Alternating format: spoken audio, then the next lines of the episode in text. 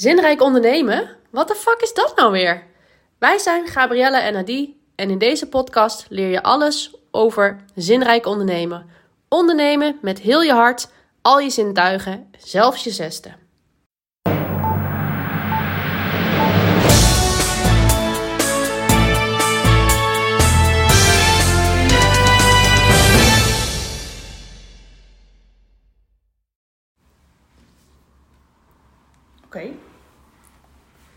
Zijn we weer, aflevering 4.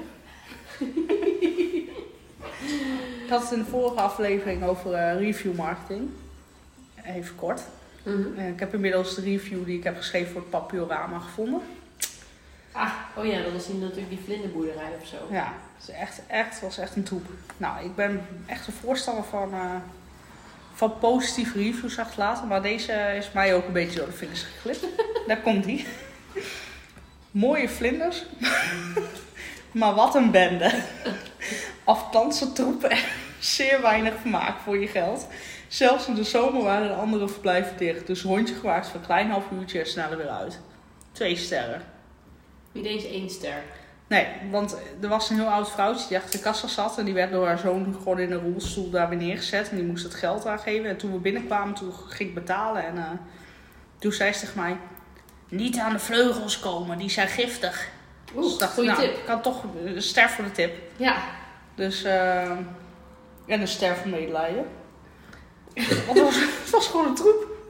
Dus ja, ik denk, ik kan hem opzetten, wat mooi, wat leuk, wat fijn. Maar dat was het gewoon niet. Hè? Je, moet nee, je gewoon weten waar je aan toe bent. je wilt gewoon andere mensen helpen. En ehm, ik, En soms helpt het ook wel, maar ja, ik heb wel. ehm, weet je, ik snap ook wel dat je soms even je, je ervaring wil ventileren. dat, die, dat die niet zo positief was, maar er zijn ook mensen die, er komt gewoon geen positief geluid meer uit, zeg maar. Die vinden alles kut. ja, dat is de zeikers van de samenleving. Ja, maar dat zijn er best wel veel. Nou, Ik bedoel, eh, vooral in Nederland. Dat is echt een... eh, ja, klagen samenleving nummer één. maar ja, dat is, daarom is het ook heel lastig om zoiets te doorbreken. Hoe En- laat je nou en- een positief geluid horen, ja. die ook echt Je hebt bijvoorbeeld wel in Waderhuis, hè, vooral in het buitenland, hier wordt dat nog maar karig. eh, We, lopen hier soms een beetje achter, of heel erg achter eigenlijk. We waren vroeger echt een kenniseconomie. Hmm. Maar volgens mij is dat de laatste jaren een beetje gekanteld. We zijn Ja, ik een bedoel, beetje... de meeste mensen denken dat nu de vlag blauw-wit-rood is inmiddels. eh, Ja. Zo erg is het gesteld met dit. een dit beetje jammer. ja. Hashtag Ik bedoel, no dat, dat staatsbezoek van, wat was het? Rutte toch? In België. Ja. Waar die vlag op de achtergrond verkeerd omhing. Oh ja, nou, dat is weten niet beter. Ik bedoel, geef Nee. zelf het voorbeeld, toch? Ja.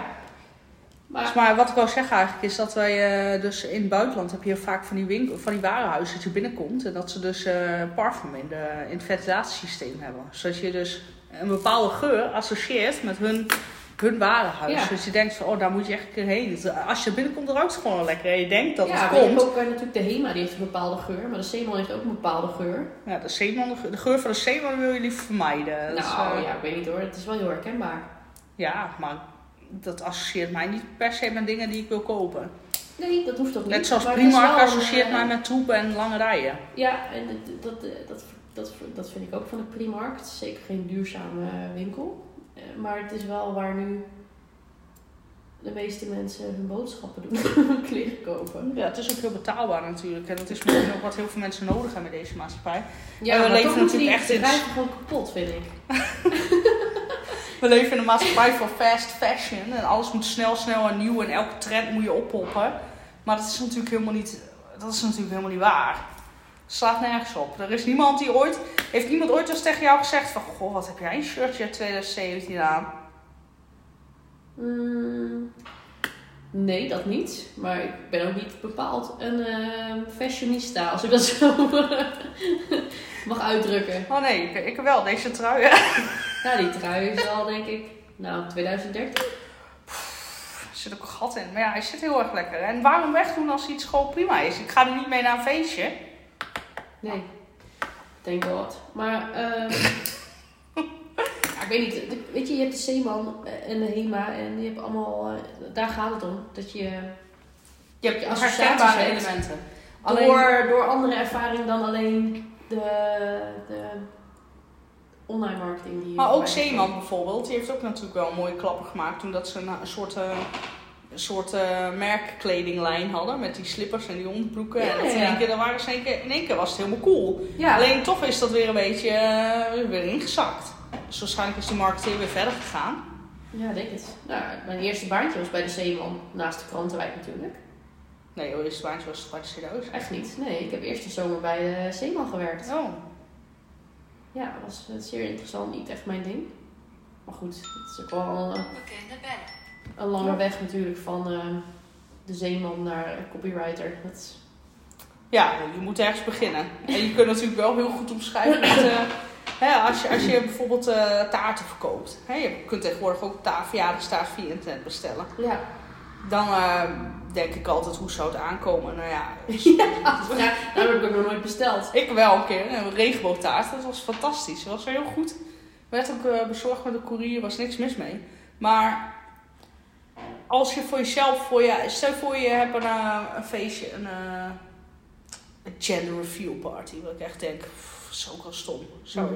Vind ik ook stom. Zeg bij deze even, vind ik stom. Eh, maar als je dat hebt en je wil lekkere smaakvolle gebakjes in plaats van altijd alleen maar het roze en het blauw aan de binnenkant, dan wil je toch iets waarvan je denkt: ik wil dat het lekker ruikt, dat het goed smaakt.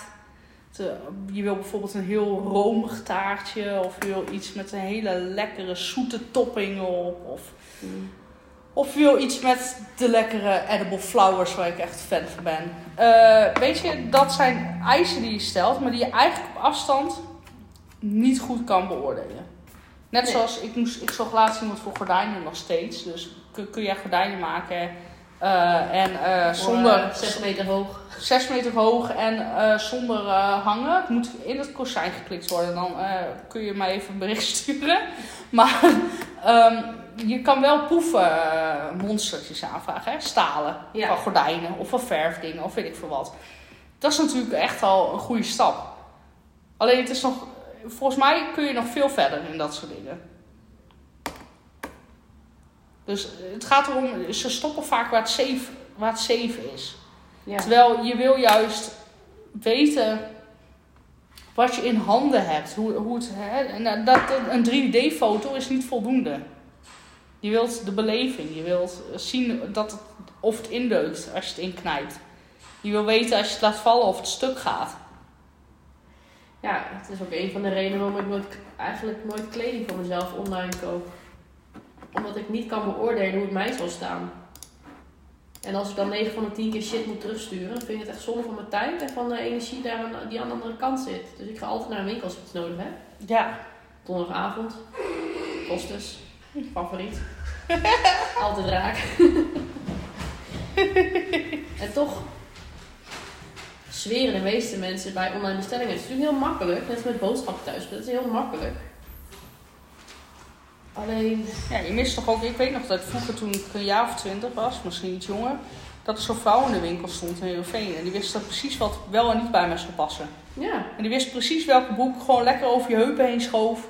En die wist precies eh welk truitje met welke lijn eh, gewoon, eh, je er gewoon een beetje florissant uit liet zien. Eh, op een leuke, vlotte manier. In plaats van altijd dat iedereen alleen maar 13 dozijn kleding koopt, zeg maar. Ja.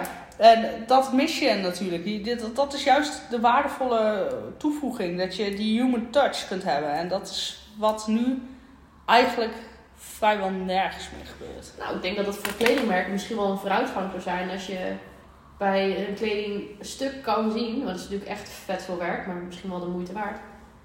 eh, dat, je, dat iemand uitlegt van dit is het, kijk eens, zo staat het op een eh, model van eh, weet ik veel, Ja, maat eh, 40, zo staat het als je iets voller bent. Eh, Ja. Dit zou ik adviseren als je zo'n figuur hebt. Hoe, hoe is je figuur? Kijk eens even in deze, weet ik veel, handleiding. Hier hebben we precies Ja. uitgelegd hoe je je eigen figuur kunt inschatten. Want ik weet nu nog steeds niet of ik een, eh, een appel of een peer ben of ehm, jij bent een donut, ben jij. een donut. Ja. Zit, zit een gat in midden, ja, is mijn navel. ben je ook een donut? Maar dat dus. Ik bedoel, ik, ik denk heel vaak, wat, wat zou op mij nou staan? En als je gaat zoeken op kleding, en dan gaat iemand dat uitleggen. Dan denk je, ja, maar ik kan het gewoon, je kan het toch niet beoordelen vanaf een scherm of ik een appel ben of een donut? Ja, nou je hebt het nu dus ook met bijvoorbeeld make-up, hè. Dat je, dat je, zo, eh, dat je zelf zo voor de camera kunt gaan zitten. Oh ja, En dat je, zo, die, dat je die kleuren zo eh, op je lippen, bijvoorbeeld nieuw lippenstiftje. Ja, En dan eh, kun je zo kijken op welke tint bij jou past. Nou, dat is al hartstikke mooi natuurlijk. ja, maar het haalt het niet bij Maar het haalt het niet bij het echte. echt En proberen. En ehm, wat je ook nog hebt, is dat je soms. ehm, weet, je, je hebt nu bijvoorbeeld met al die blockchain en crypto dingen en NFT's en dat soort dingen. Dat je bijvoorbeeld die merken hebben die Web3 toepassingen gaan ontwikkelen. Dat je dus make-up eh, merken hebt. Ik weet even niet meer, volgens mij was het Fendi, maar ik weet het niet zeker. Die dus eh, liet zien door, in een soort visueel fil- filmpje of zo. Dat, welke, dat elke bal, elke, volgens mij was het een handbal of zo. Misschien zegt het helemaal verkeerd, maar het was in elk geval elke bal kreeg een andere tint van die foundation. Waardoor je dus heel goed kon zien wat het verschil was tussen al die dingen. En dat was heel smooth, gewoon op een lopende band. Elke keer kwam er een nieuw kleurtje. En ik dacht, ja, dat is echt zo super vet gemaakt, zeg maar. Het brengt je alweer een beetje dichterbij. Bij al die potjes die je dan, als je op de Douglas bijvoorbeeld eh, de website kijkt en je ziet van eh 0,1 warm, 0,2 koel, eh, 0,3 eh, Ja. superheet, weet ik veel.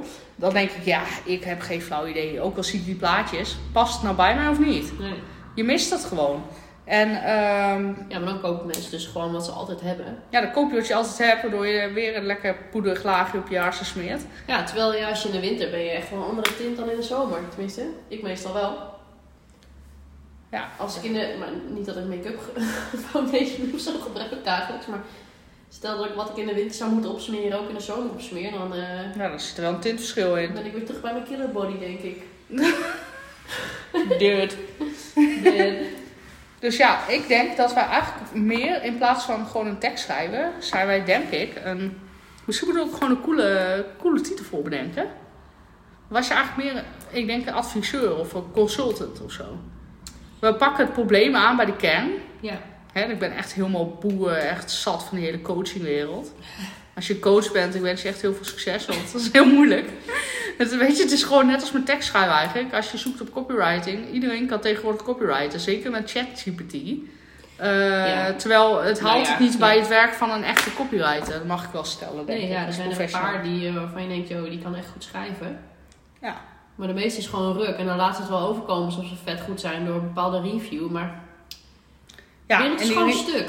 de reviews zijn ook voor mensen die er natuurlijk niet per se verstand van hebben.